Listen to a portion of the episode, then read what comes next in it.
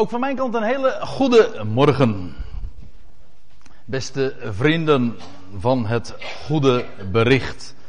Want rondom zo'n boodschap zijn we bijeen. En Huip heeft het een en ander al daarover verteld. En in zijn gebed daar ook over naar voren gebracht.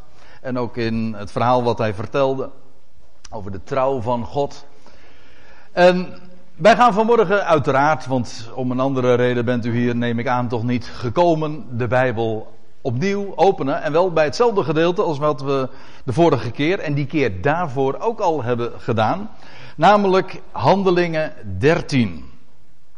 De eerste uitgebreide toespraak die we van de apostel Paulus in het boek Handelingen aantreffen.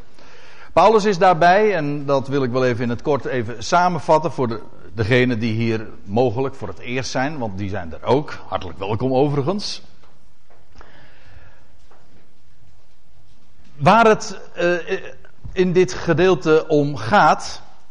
U moet weten, Paulus is in Antiochië. Dat is een plaats in het huidige Turkije, in midden-Zuid-Turkije. En het plaatje wat u hier ziet, dat is ook Antiochië. Schitterende omgeving moet het daar zijn als ik zo de plaatjes mag geloven. Paulus is daar in Antiochië uh, gekomen samen met zijn medewerker Barnabas. En hij gaat zoals hij dat uh, gebruikelijk, zoals dat gebruikelijk was, eerst naar de synagoge op de Sabbat. En daar worden ze welwillend ontvangen en Paulus wordt gevraagd om een woord te spreken voor, tot opwekking. En dat deed hij maar al wat al te graag. En Paulus steekt van wal.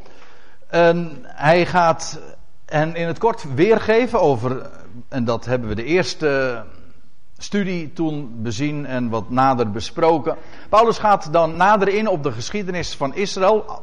Alles met het doel om uit te komen bij David, of eigenlijk moet ik zeggen, bij de zoon van David. Hij geeft in het kort een, een, een weergave van Israëls geschiedenis. Dat zou uitlopen, gewoon volgens de schriften, maar dat wisten deze Joodse toehoorders in de synagoge ook maar al te goed. Dat zou uitlopen op de komst van hem die was aangekondigd in al de schrift. En Paulus laat ook in dit gedeelte zo duidelijk zien. Hij, het is, zijn toespraak is een aaneenschakeling van allemaal schriftcitaten. Daar staat het geschreven. Dat hebben de profeten gezegd. Hier staat het in de psalmen. Dat is gesproken. Alles verwijst naar hem. De gezalfde van God. Israëls Mashiach. De Messias. Hij wijst hen, u moet namelijk weten, daar in de synagoge waren velen helemaal niet bekend met de, deze boodschap van de Messias. En Paulus stelt het ook onder bewijs. En hij vertelt daarbij ook wat er te vinden is in deze Messias. Hij vertelt ook trouwens wat Israëls reactie was op deze Messias. In de eerste plaats, ze hebben hem gekruisigd. Zij hebben hem gekruisigd, maar God daarentegen heeft hem opgewekt uit de doden. En dan, dan, en dat is het laatste wat we de vorige keer hebben besproken en gezien in Handelingen 13. Dat Paulus dan wijst op de vrijspraak die er is in hem. Op de rechtvaardiging voor een ieder die gelooft. En dat hij daadwerkelijk de redder is. Ik zeg de redder is. Niet op voorwaarde dat. Of de redder zou kunnen worden als jij Nee, hij is de redder. Dat is het evangelie. En Paulus heeft dat verteld. En dan zijn we nu inmiddels aangekomen bij vers 40. En dat is het slot van Paulus' toespraak.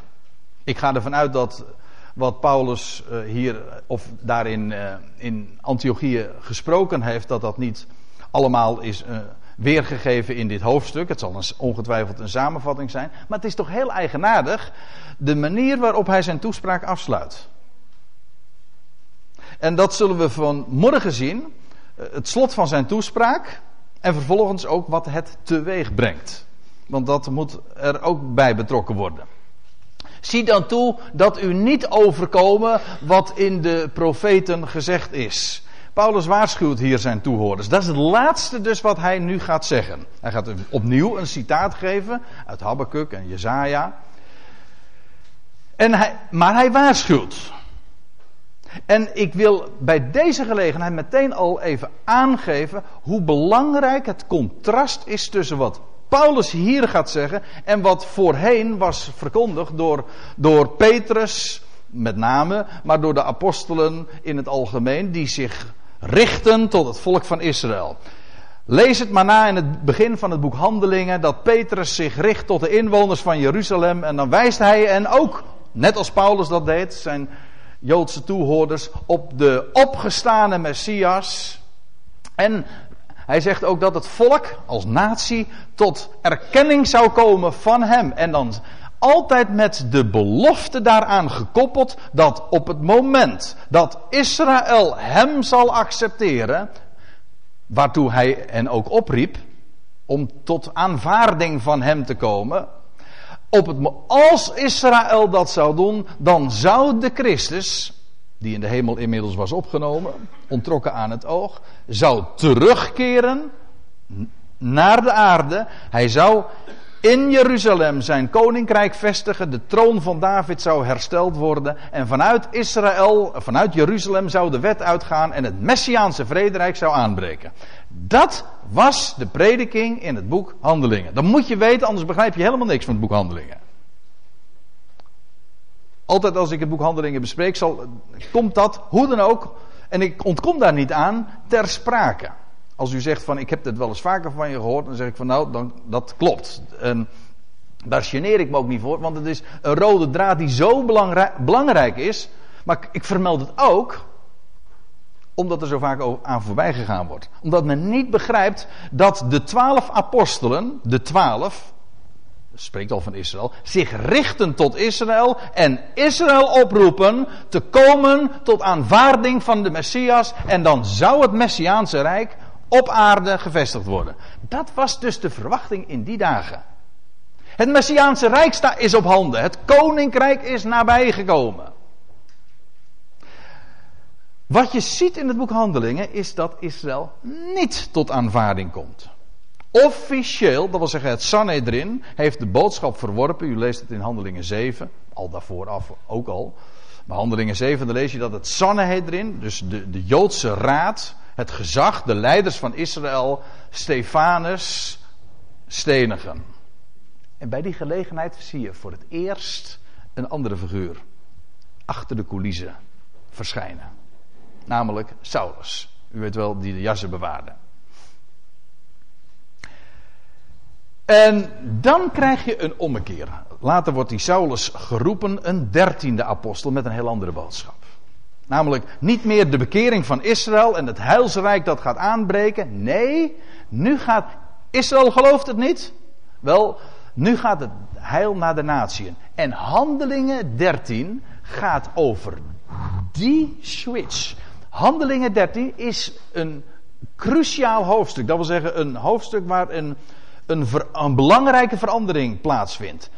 Het is het hoofdstuk, Handelingen 13 vers 9, waar Saulus Paulus wordt. Dat wil zeggen, hij die, eh, wiens naam met een S begon, zijn naam zal voortaan een Paulus worden. En dat heeft te maken met het feit dat hij zich tot de heidenen richt. Zijn naam wordt Paulus op het moment dat hij zich gaat richten, zich wenden tot de natieën. Akkoord. Nou, als je dat weet, dan kan ik nu verder gaan. Dus houd dat even goed in gedachten.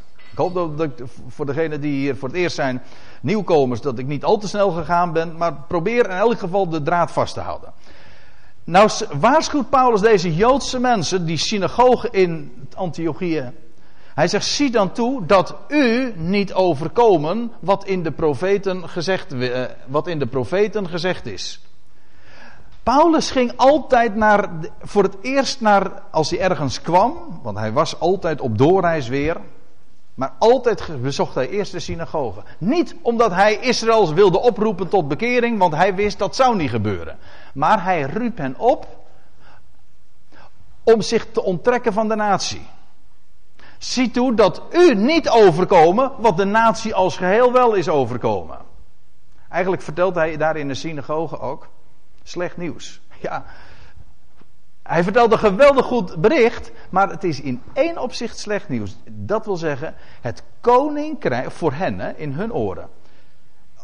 Kijk, een, een Jood, een orthodoxe Jood, iemand die in de synagoge komt, die verweet dat als de Messias komt, als de Messias komt, dan breekt het Messiaanse Rijk aan. Paulus ging vertellen, nee, die Messias is gekomen, maar het Messiaanse Rijk breekt niet aan. Dat was de, dat grote probleem dat, dat die mensen ook hadden met Paulus. En daarom heeft hij, uh, leidt het ook altijd tot conflict als Paulus in een synagoge komt omdat hij daar vertelde, de Messias is gekomen, het Messiaanse Rijk breekt niet aan. Nou zegt hij, ziet dat u niet overkomen wat in de profeten gezegd is. Paulus zegt in Romeinen 11, in zijn, een van zijn brieven, hij zegt waar het hem om begonnen was. Dat ik zo mogelijk de naijver, de jaloezie van mijn vlees en bloed, dat wil zeggen van mijn Joodse volksgenoten, mocht opwekken en enigen uit hen behouden. Dat wil zeggen, Paulus had niet meer het oog op, op Israël als natie. Hij, hij wist, dat volk is nu verblind. Overigens voor een tijd. Twee dagen, zeg ik even de cryptisch bij. En dan zou de bedekking alsnog weer worden weggenomen. Maar nu ging het Paulus om enigen uit hen. En enige van hen, dat waren ook die mensen bijvoorbeeld daar in Antiochia. Zie toe dat u niet overkomen wat in de profeten gezegd is. En dan haalt hij aan uh, iets uit Habakkuk 1, maar een combinatie ook met Jesaja 29. U kunt het allemaal nalezen. Want in feite in dit citaat komen er nog andere schriftplaatsen ook mee. Maar dan staat er, ziet verachters, dit is dus het citaat dat Paulus geeft, hè. Ziet verachters en verwondert u en verdwijnt. Het is geen aangenaam slot hoor, van Paulus' toespraak. Ik ga, ik ga vanmorgen veel mooier eindigen trouwens. Ja, maar Paulus is daar in de synagoge. Hij moest daar juist in de synagoge deze boodschap brengen. Ziet verachters en verwondert u en verdwijnt. Wie zijn die verachters? En waar gaat dit over? Wel, wat Paulus hier op wijst, is dat volk Israël. In dat citaat wordt Israël als natie aangesproken. Zij waren verachters. Van wat? Van het woord. Van de boodschap die van Gods wegen tot hen geklonken had. En zij verachten het. Ze, ze liepen daar overheen. Ze traden het met voeten. Met de voeten staat er ergens in Hebreeën. Ze waren verachters. En nou wordt tegen dat volk gezegd: verwondert u. Dat wil zeggen, er gaat iets heel wonderlijks gebeuren. Jullie wijzen de boodschap af. Maar nou gaat er iets zeer wonderlijks gebeuren. Terwijl jullie verdwijnen. Ziet verachters, verwondert u en verdwijnt. Het zou nog maar een aantal jaren duren, een pakweg 15 jaar, dan zeg ik het goed, nou iets langer, nou iets in die geest. In ieder geval, binnen 20 jaar zou Israël als natie zelfs compleet verdwijnen. In het jaar 70 van onze jaartelling is het, het Joodse volk in de, definitief in de diaspora uh, gegaan en in de verstrooiing terechtgekomen. Jeruzalem is verbrand. De stad is helemaal met de grond gelijk gemaakt. Een afschuwelijk drama heeft zich daar voltrokken. En dus de, er is geen ene steen, dat had Jezus trouwens al gezegd, geen ene steen op de andere gelaten. Met, dat is letterlijk zo, hè? wat ik nu zeg. Dat is geen overdrijving, dat is letterlijk zo. Die hele stad is, uh, de stad is in vlammen opgegaan en Israël is ten onder gegaan in de Volkerenzee. Wat trouwens ook in het boek Handelingen wordt uitgebeeld in dat schip, weet u wel. Dat verdwijnt in de diepte van de zee. Waar Paulus ook op zat. Maar daar hebben we bij een andere gelegenheid eens over nagedacht. Ziet verachters, verwondert u en verdwijnt. En dan staat er vervolgens, want, dus het citaat gaat voort, want ik werk een werk in uw dagen, een werk dat gij voorzeker niet zult geloven als iemand het u verhaalt. Dit staat dus al in de profeten, in de Tenach, in, het, in ons Oude Testament. De natie zou, die verachten het woord, maar ze, en ze zouden verdwijnen, ze zouden in de Volkerenzee, ja. En, maar God zegt, ik ga een werk werken, wonderlijk, een werk in uw dagen dat gij voorzeker niet zult geloven. Dat was waaruit ook trouwens blijkt dat Israël als natie niet zou geloven. Ziet u het contrast met Petrus, die nog op het tempelplein daar en in Jeruzalem vertelt van kom tot bekering. He, opdat de Messias zou komen en hij die in de hemel is opgenomen terug, tot u terugkeren en opdat er tijden van verademing zullen aanbreken. Dat was niet meer aan de orde. Israël zou verdwijnen, Israël zou niet geloven. En dat wonderlijke werk wat de Heer ging, zou gaan doen, daar zouden ze geen enkel begrip voor hebben. En dit zijn de laatste woorden, die staan, althans, die staan opgetekend van Paulus' toespraak in Antiochië. Meer vinden we niet. Eigenlijk is het heel cryptisch. Want, hoezo? Welk werk zou God gaan werken dan onder de volkeren?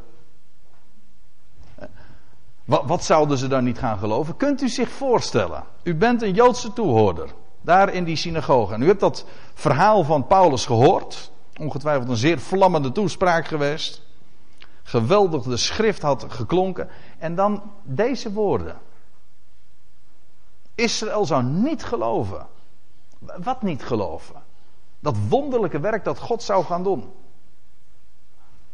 Dat verdient toch enige toelichting, hè? Nou,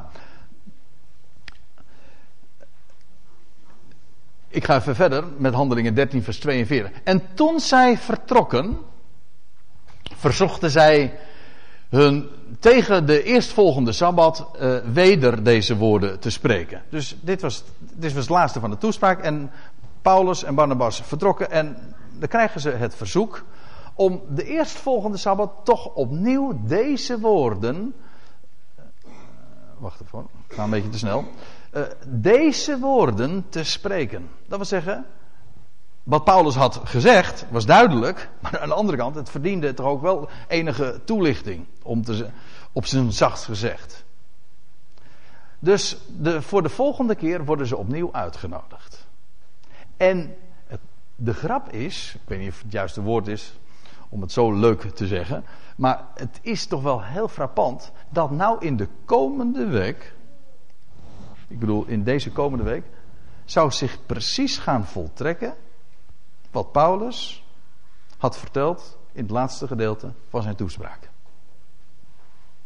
Paulus eindigt zo cryptisch met een dramatisch citaat uit de, uit de profeten.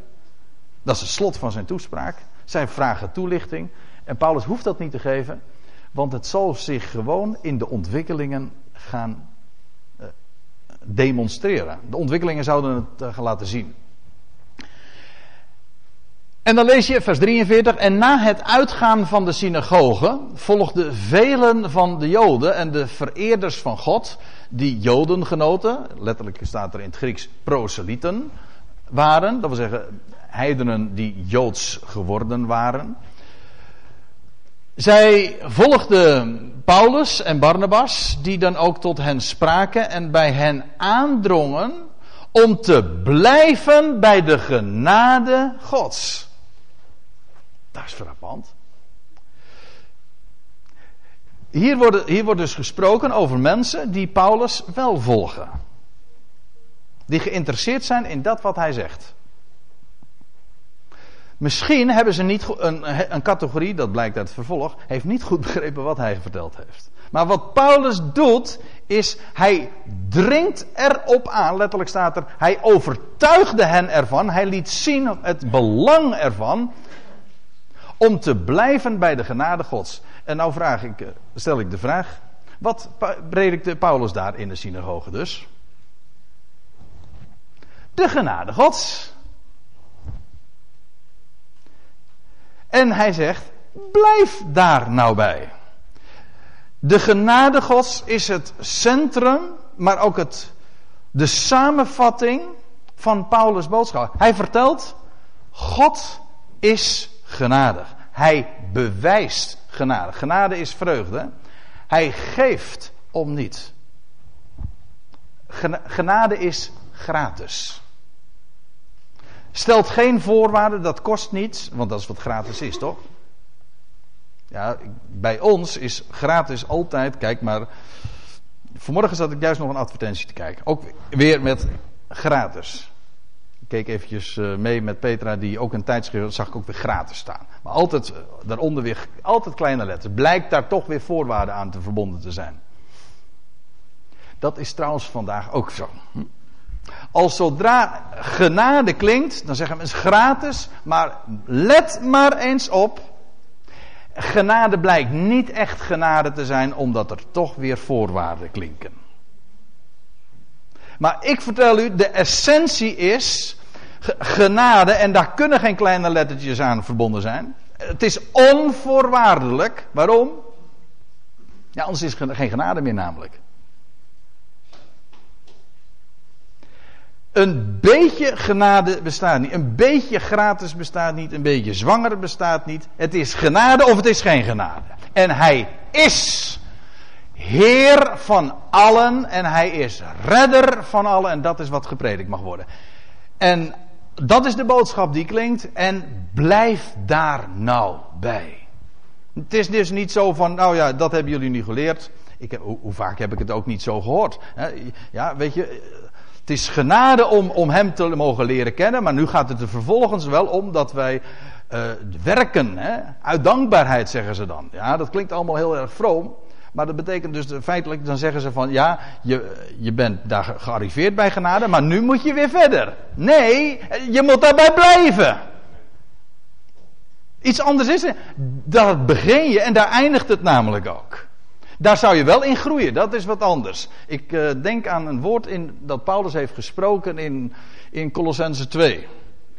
Hij schrijft dat aan de Kolossers, die hij trouwens ook nooit bezocht had. Maar dan, dan schrijft hij dit. Nu gij, Christus Jezus, de Heer, aanvaard hebt. Dat wil zeggen, tot erkenning van Hem gekomen bent. Wandelt ook in Hem.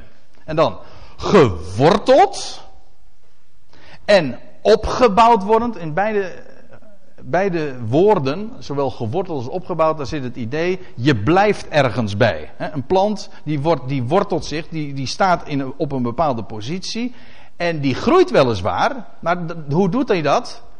Niet door verder te gaan, nee, door op de plaats waar hij zich bevindt, zijn wortels uit te breiden en zo tot vruchtdragend te komen.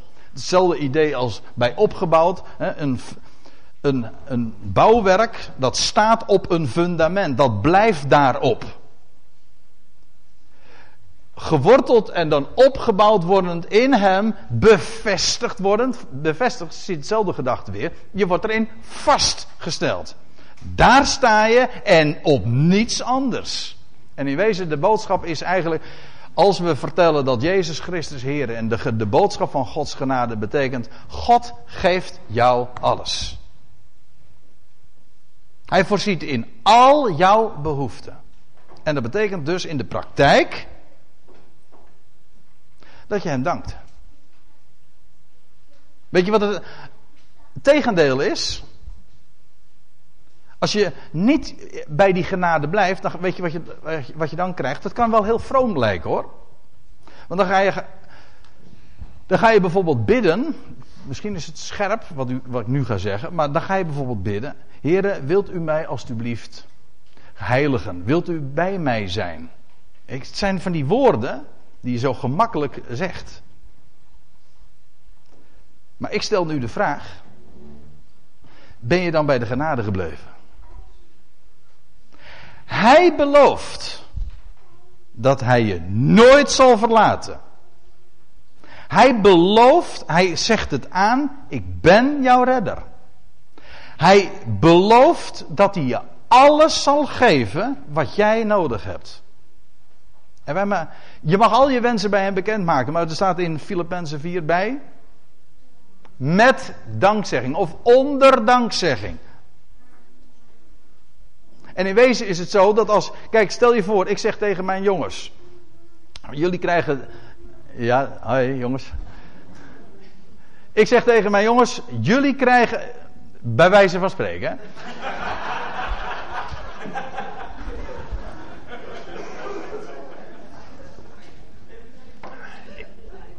Boas, ik zei bij wijze van spreken. Jullie krijgen een nieuw PlayStation spel.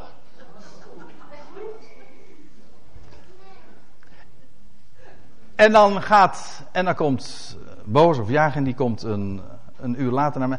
Pap, mag ik alstublieft een PlayStation spel? Dan, dat is dwaas, hè?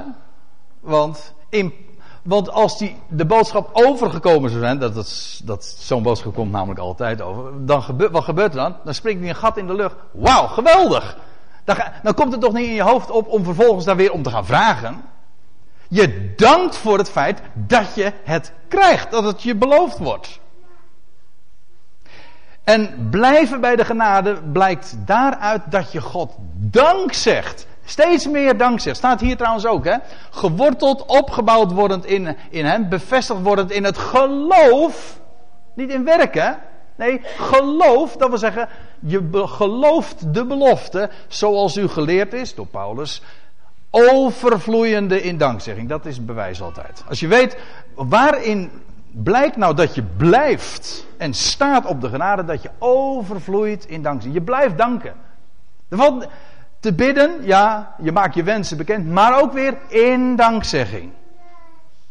Of, of, of je gaat ervoor bidden, dat is de, de godsdienstige variant. Of je gaat voor iets werken om het te verdienen. Je kan het ook in het Latijn zeggen, denk ik er eens aan. Dan zeg je ora et labora. Hm, bid en werkt. En ik zeg, nee, het is de genade Gods. Waar we op zouden staan, waar, waar we bij zouden blijven. En dat betekent dat je overvloeit in dankzegging. De dingen die wij vragen, die geeft Hij.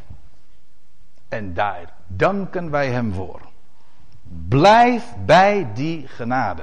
Dat is inderdaad een heel vreugdevolle zaak, want ja, je, je ziet op naar boven en, je, en dat, dat dankbare besef, alles wat je nodig hebt, dat zal Hij geven, en dat geeft Hij, niet mondjesmaat, maar precies zoals jij dat nodig hebt, rijkelijk.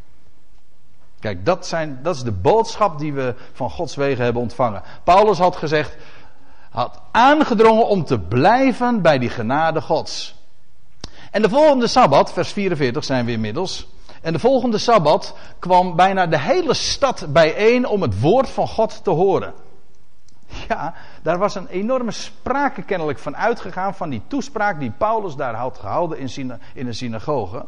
Maar het was juist ook bij de heidenen terechtgekomen. De hele stad kwam namelijk, niet alleen de Joden, nee, de hele stad kwam uh, bijeen om het woord van God te horen. En dan vers 45. Maar toen de Joden de scharen zagen, werden ze vervuld met nijd en spraken lasterende tegen hetgeen door Paulus gezegd werd. Je zou zeggen, dat is toch geweldig, dat er zoveel meer interesse blijkt te bestaan. Maar wat er gebeurt, is het tegendeel. De Joden zijn, worden vervuld met nijd dat daar die enorme mensenmenigte daarop afkomt. Je leest. En waarom is dat? Dat is, dat is de vraag die ik nu stel. Waarom waren zij vervuld met nijd? Ik kan, de eerste, het eerste antwoord heb ik eigenlijk al in begin van deze toespraak even daarop gezinspeeld en ook eh, verteld. Dat is de boodschap, het heil, de boodschap van het Messiaanse Rijk dat aanstaande was, juist, en, en dat, dat voor Israël zou gaan aanbreken, dat klonk niet meer. En nu ging het heil naar de natieën. En dat riep zoveel verzet en nijd op. En dan wil ik nog een antwoord geven, maar dat, dat ligt helemaal in het verlengde daarvan. Dan lees je, als weer de Romeinenbrief, dan legt Paulus het een en ander uit over dit hele fenomeen van nijd en jaloezie en naijver. Dan staat er in vers 31 van dat hoofdstuk. Maar Israël, hoewel het een wet van gerechtigheid najaagde, is aan de wet niet toegekomen. Dat wil zeggen, Israël heeft de wet ontvangen en, en Paulus zegt in ditzelfde verband ook, ze hebben een ijver voor God. En hij zegt, dat is geweldig. Maar hij zegt erbij zonder verstand. En hoe was het ook weer? Staat ergens in spreuken. Zonder verstand deugt zelfs ijver niet. Zonder inzicht, zonder te weten waar die wet over gaat. Ze waren altijd maar bezig met de wet, maar ze zijn aan de wet niet toegekomen. Dat is, Dat is tragisch. Zo bezig, zo je hart gezet te hebben op die wet en, en niet begrijpen waar het werkelijk over gaat. En dan stelt Paulus de vraag: waarom niet? Waarom is hij aan die wet niet toegekomen? Omdat het hierbij niet uitging van geloof, maar van werken. Dat woord vermeende staat er eigenlijk niet eens. Zij hebben zich daardoor ook gestoten aan de steen des aanstoots. En dat is ook precies waar Paulus het ook over heeft, namelijk de Messias. Dat is, die steen, dat is in werkelijkheid een fundament, maar zij stoten zich daaraan en ze struikelden daarover. Waarom? Omdat, en daar gaat het me nu even om, omdat het niet uitging van geloof, maar van werken. Israël dacht, wij moeten werken voor God, we moeten dit doen, we moeten dat doen, en we mogen dit niet en we mogen dat niet. En ze waren daar hun hele leven altijd mee bezig. Daarvoor kwamen ze in de synagoge bijeen. Dat hele verhaal. Werken, werken, werken, werken, verdienen. En Paulus zegt, dan heb je de wet dus niet begrepen. Het gaat namelijk niet om werken, het gaat om geloof. En wat het verschil is, kijk, een opdracht kun je werken. Als ik zeg, je moet dit doen, dan kun je zeggen, nou, ik ga dat nu, ik, ik stroop mijn mouwen op en ik ga dat doen. Maar een belofte, die kun je niet werken. Een belofte kan je alleen maar geloven. Maar dat is precies wat de wet is. Gij zult de Heere uw God liefhebben. Gij zult uw naaste liefhebben. Zij dachten van, oh, dat denken mensen nu nog, hè. Gij zult heilig zijn. Oh, dat betekent dat ik nou mijn best moet gaan doen. Hoe vaak hebt u, ik, spreek nu eventjes tegen mensen die ook uh, misschien wellicht gewend zijn om in, in de kerk te komen. En uh, zeg ik zonder enige, uh, zonder enige negatieve gedachten. Maar het is een vaststelling hoe vaak klinkt niet de boodschap van ja, je moet je best doen om heilig te zijn. Wees heilig, want ik ben heilig. Weet u dat er niet staat? Er staat niet wees heilig. Er staat gij zult heilig zijn, want ik ben heilig. Dat is een belofte. God zegt je zult heilig zijn. En een belofte die, die kun je niet werken, die kun je alleen maar geloven. En weet je wat er gebeurt als je een belofte krijgt? Je zult heilig zijn, je zult de Heer je God lief hebben. Dan zeggen we, dank u wel dat u dat belooft, dat u dat dus ook waar gaat maken. Want als hij dat belooft, dan is aan hem om zijn belofte te vervullen. Niet meer de last ligt dan bij mij, maar bij hem om dat waar te maken. Nou, dat is precies het evangelie. De boodschap is, hij maakt het allemaal waar. En ik Stel me zo voor dat er hier nu mensen in de zaal zitten die denken van, wat je nou zegt, dat klinkt te mooi om waar te wezen. Nou, ik zeg het is te mooi om niet waar te zijn. Maar het is de waarheid. Het is juist het, het is de boodschap. Hij maakt het waar.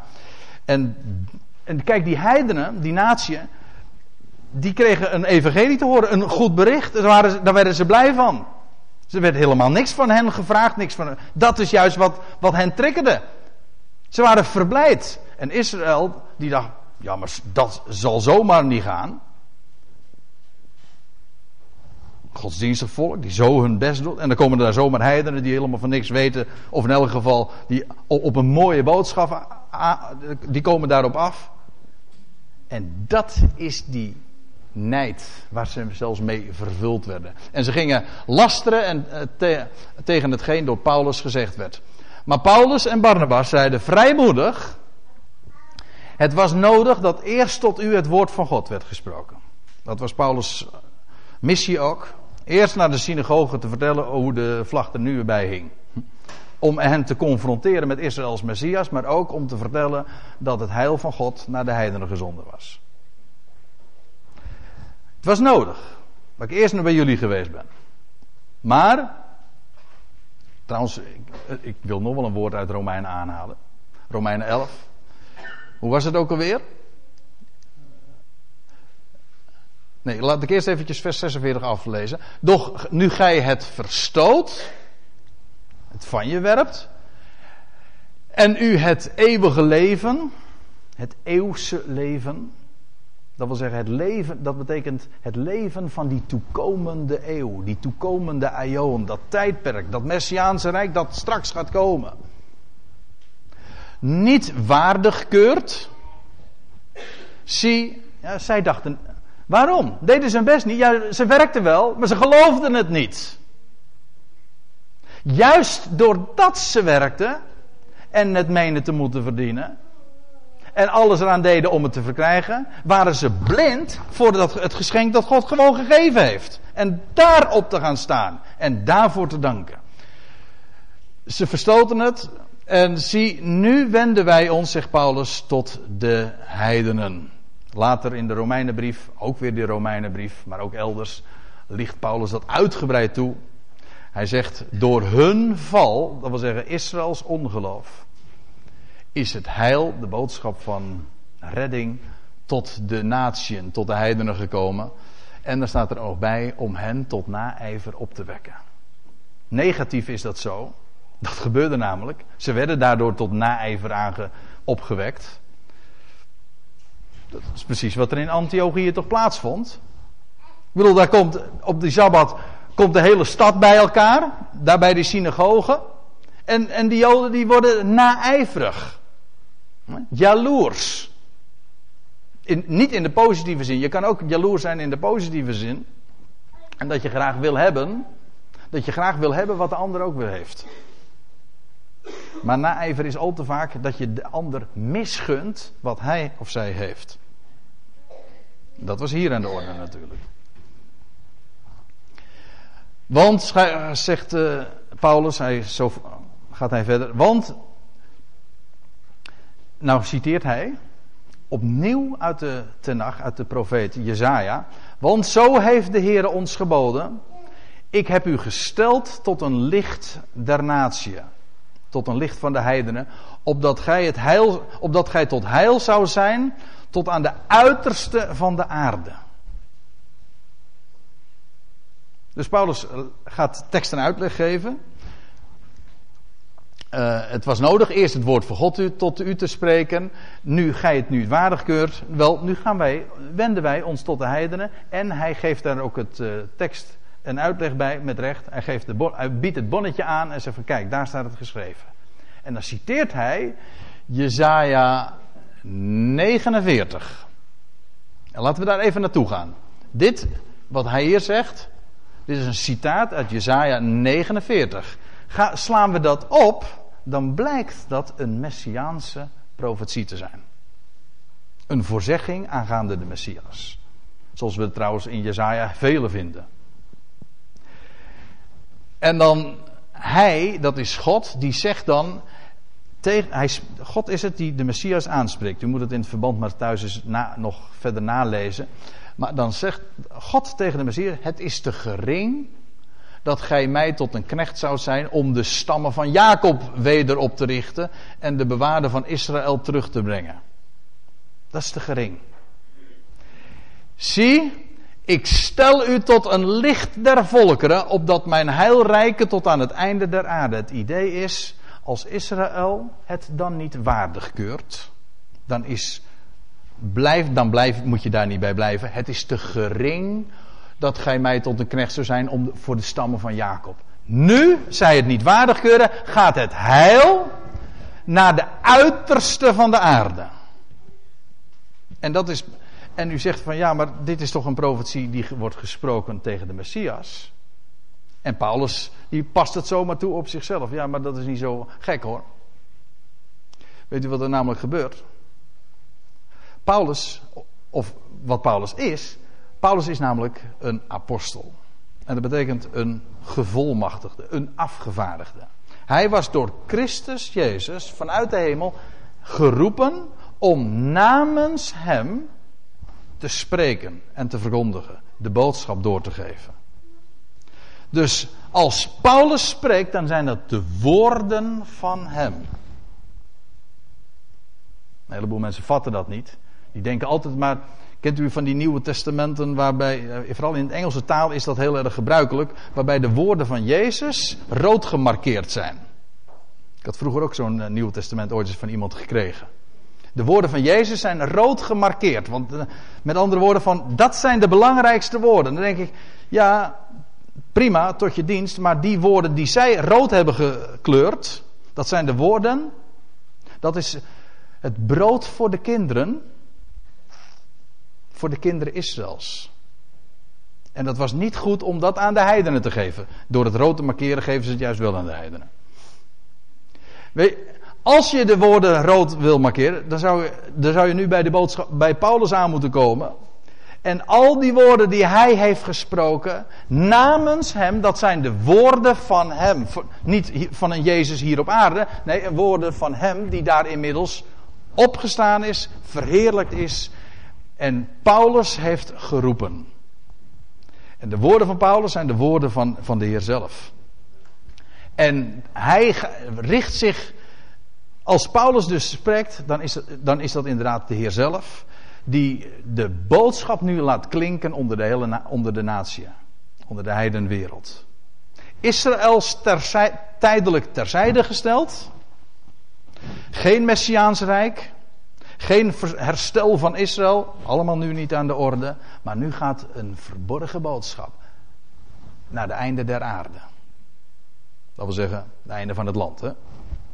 Ik weet wel, mensen hebben daaruit geconcludeerd, uit zo'n uitdrukking, de uiterste der aarde of de einde der aarde. Oh, dat betekent, toen hadden ze nog dat, het idee van dat de aarde een, een pannenkoek was, weet je wel, en waarvan je van af kon vallen.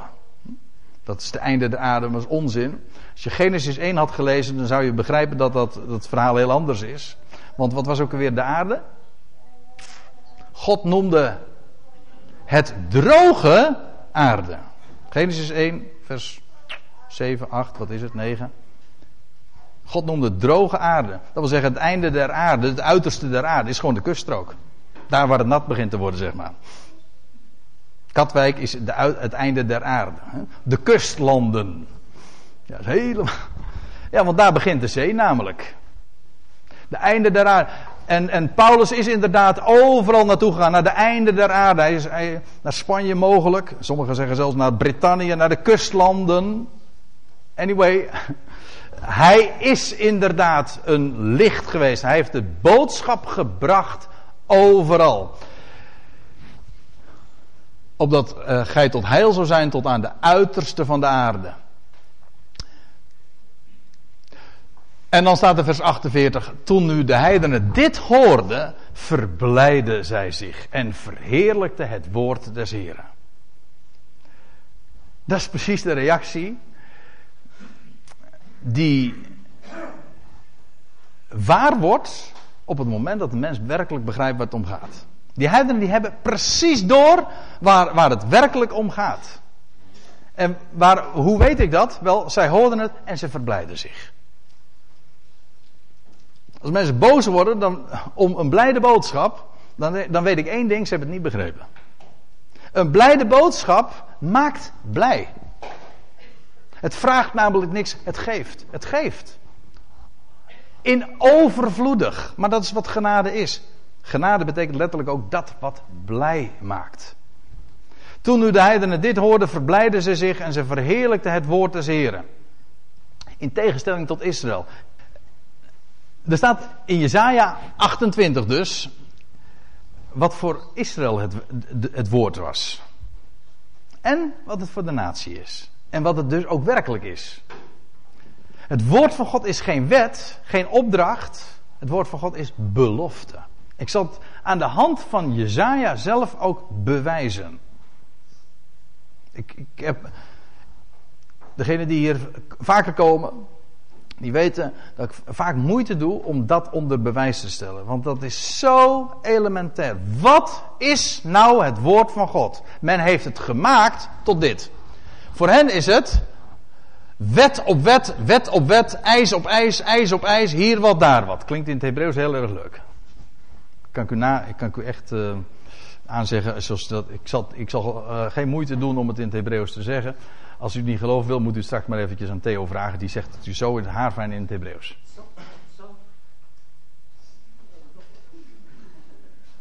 Oké, nou.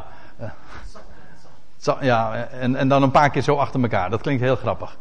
Maar dat is voor. En het is eigenlijk ook een. Kafla ja. Maar dat is dus.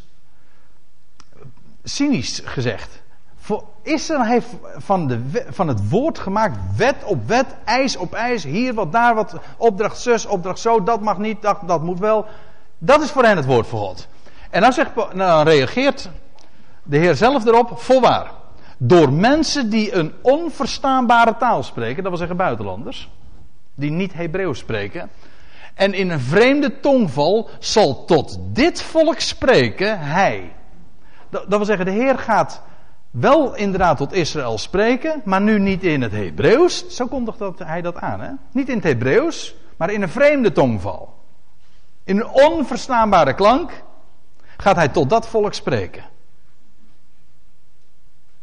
Zij hebben het niet begrepen en wat, wat er staat erachter? Hij die tot hen nog gezegd heeft, wat het woord des Heren werkelijk is. Namelijk, dit is de rust. Geef de vermoeide rust. En dit is de verademing. Maar ze wilden niet horen. Het woord van God is belofte.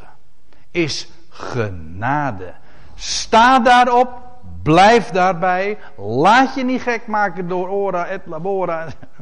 Door werken en bidden voor dingen die God ons gewoon geeft. Nee, weet wat het woord is. Het woord legt je geen last op, het neemt een last van je af. Dat is rust. Het is verademing. Het geeft je hoop. En dat nog allemaal gratis op. Ook. Dat is, maar dat is te mooi. Ze wilden het niet horen. En die heidenen die begrepen het. Toen de heidenen dit hoorden, verblijden zij zich. Maar wat een ergernis was het voor al die mensen die daar, in de Sabbat, daar op de Sabbat bijeen waren. En in de synagoge samenkwamen en zich beijverden, ijver voor God hadden. En alle die bestemd waren ten eeuwige leven kwamen tot geloof. Ja, goh, moet ik hier nou. Oh, dit, is, dit, is een heel, dit is een heel verhaal apart, maar ik ga het heel kort zeggen. Ik geloof niet dat het hier om voorbestemming gaat. Hoewel de vertaling dat. Ik geloof in voorbestemming en, en predestinatie. Uh, want dat is wat predestinatie is. Hè? God bestemt voor. Die hij tevoren gekend heeft, die heeft hij tevoren bestemd. En God heeft, geeft alles zo zijn plek. Wij, als je nu een gelovige mag zijn, dat komt dat omdat de Heer je heeft voorbestemd.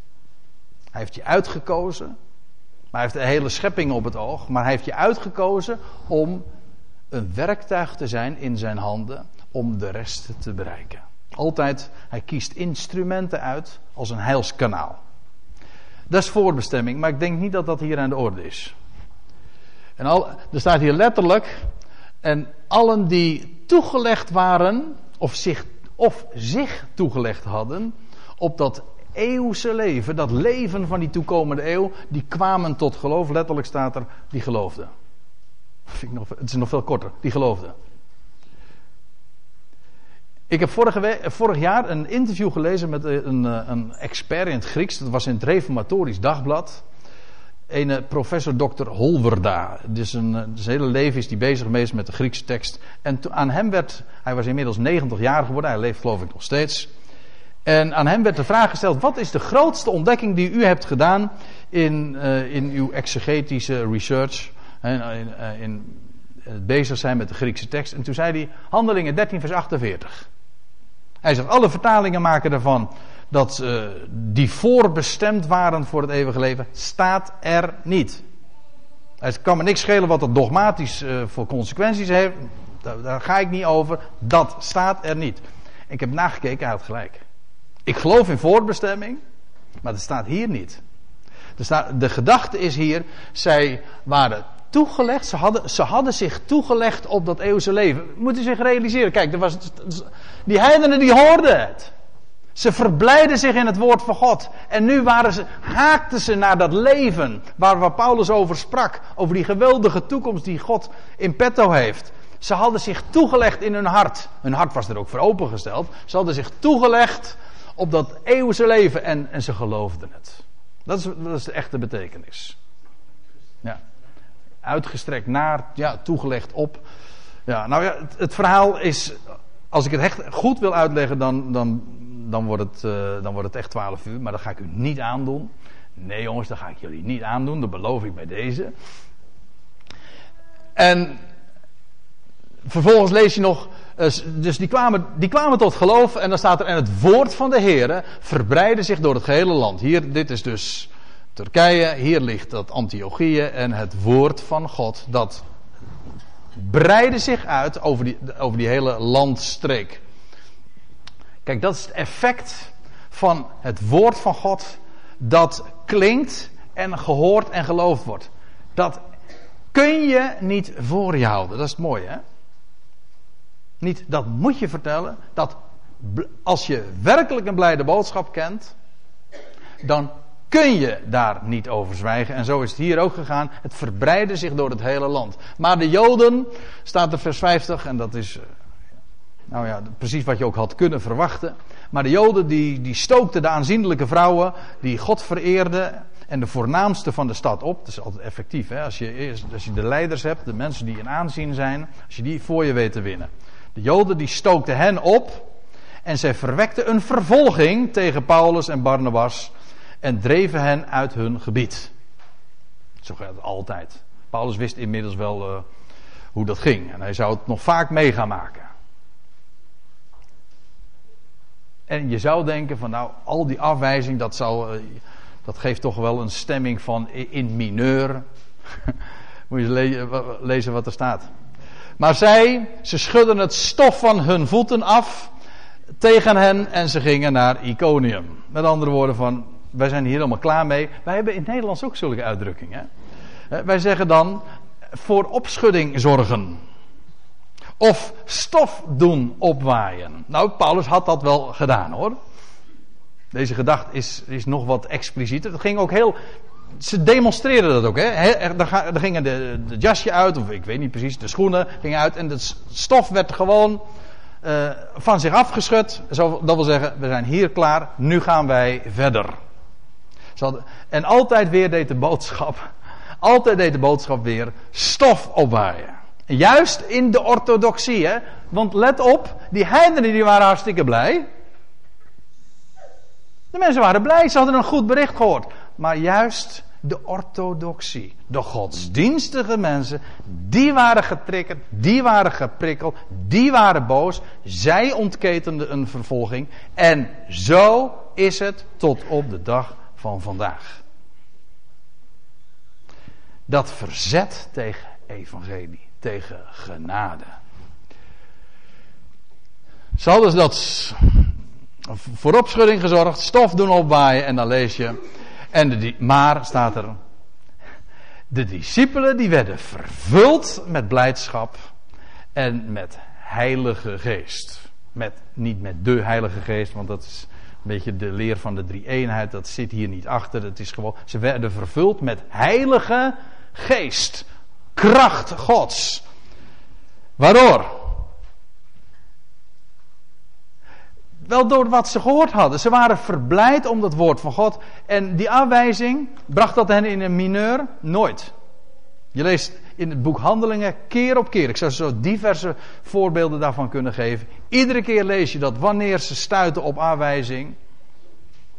Dat ze zich verblijden om het feit dat ze mochten lijden omwille van de naam. En ze waren juist zo rijk met het feit dat zij bevoorrecht zijn, waren dat zij de boodschap mochten kennen. Maar zo is vandaag toch nog. Je kunt natuurlijk je, je, kunt je beklagen over het feit dat, dat je, zoals ik dat ooit eens heb gezegd, van ja, het is de rijkste boodschap die er is van de genade Gods, maar je kan het aan de staatssteden niet kwijt. Dan kun je natuurlijk gaan, gaan zitten sikkeneuren en zeggen: Goh, niemand wil het horen. En, en, en, en, die wijst het af. En die moet niks meer van me hebben. En die keert zich van me af, et cetera. Het kost me vriendschappen. Ja, en? Wees blij gewoon om wat je weet. En dat is ook zo. Zij waren zo blij met, met, met dat wat ze wisten. Met hoe zij hem kenden. Wat hij geeft. Met zijn woord. Ze werden alleen maar des te meer vervuld met blijdschap. En weet u wat dat is? Ja. Dit woord blijdschap, hè? Dat is in het Grieks dit. Dat is charis. En dat woord charis, dat is hetzelfde woord als genade. Ze werden dus vervuld met. Ja, hier, staat, hier wordt het vertaald met blijdschap, maar ze hadden net zo goed kunnen zeggen. Ze werden vervuld met genade. Want dat is wat genade is. En met heilige geest. Zo werkt dat. Genade Gods, dat maakt blij, dat vervult, dat geeft kracht, dat geeft hoop, dat geeft uitzicht. Daardoor kun je omhoog kijken, dat geeft je kracht om te wandelen. Kortom, het geeft je alles wat je nodig hebt.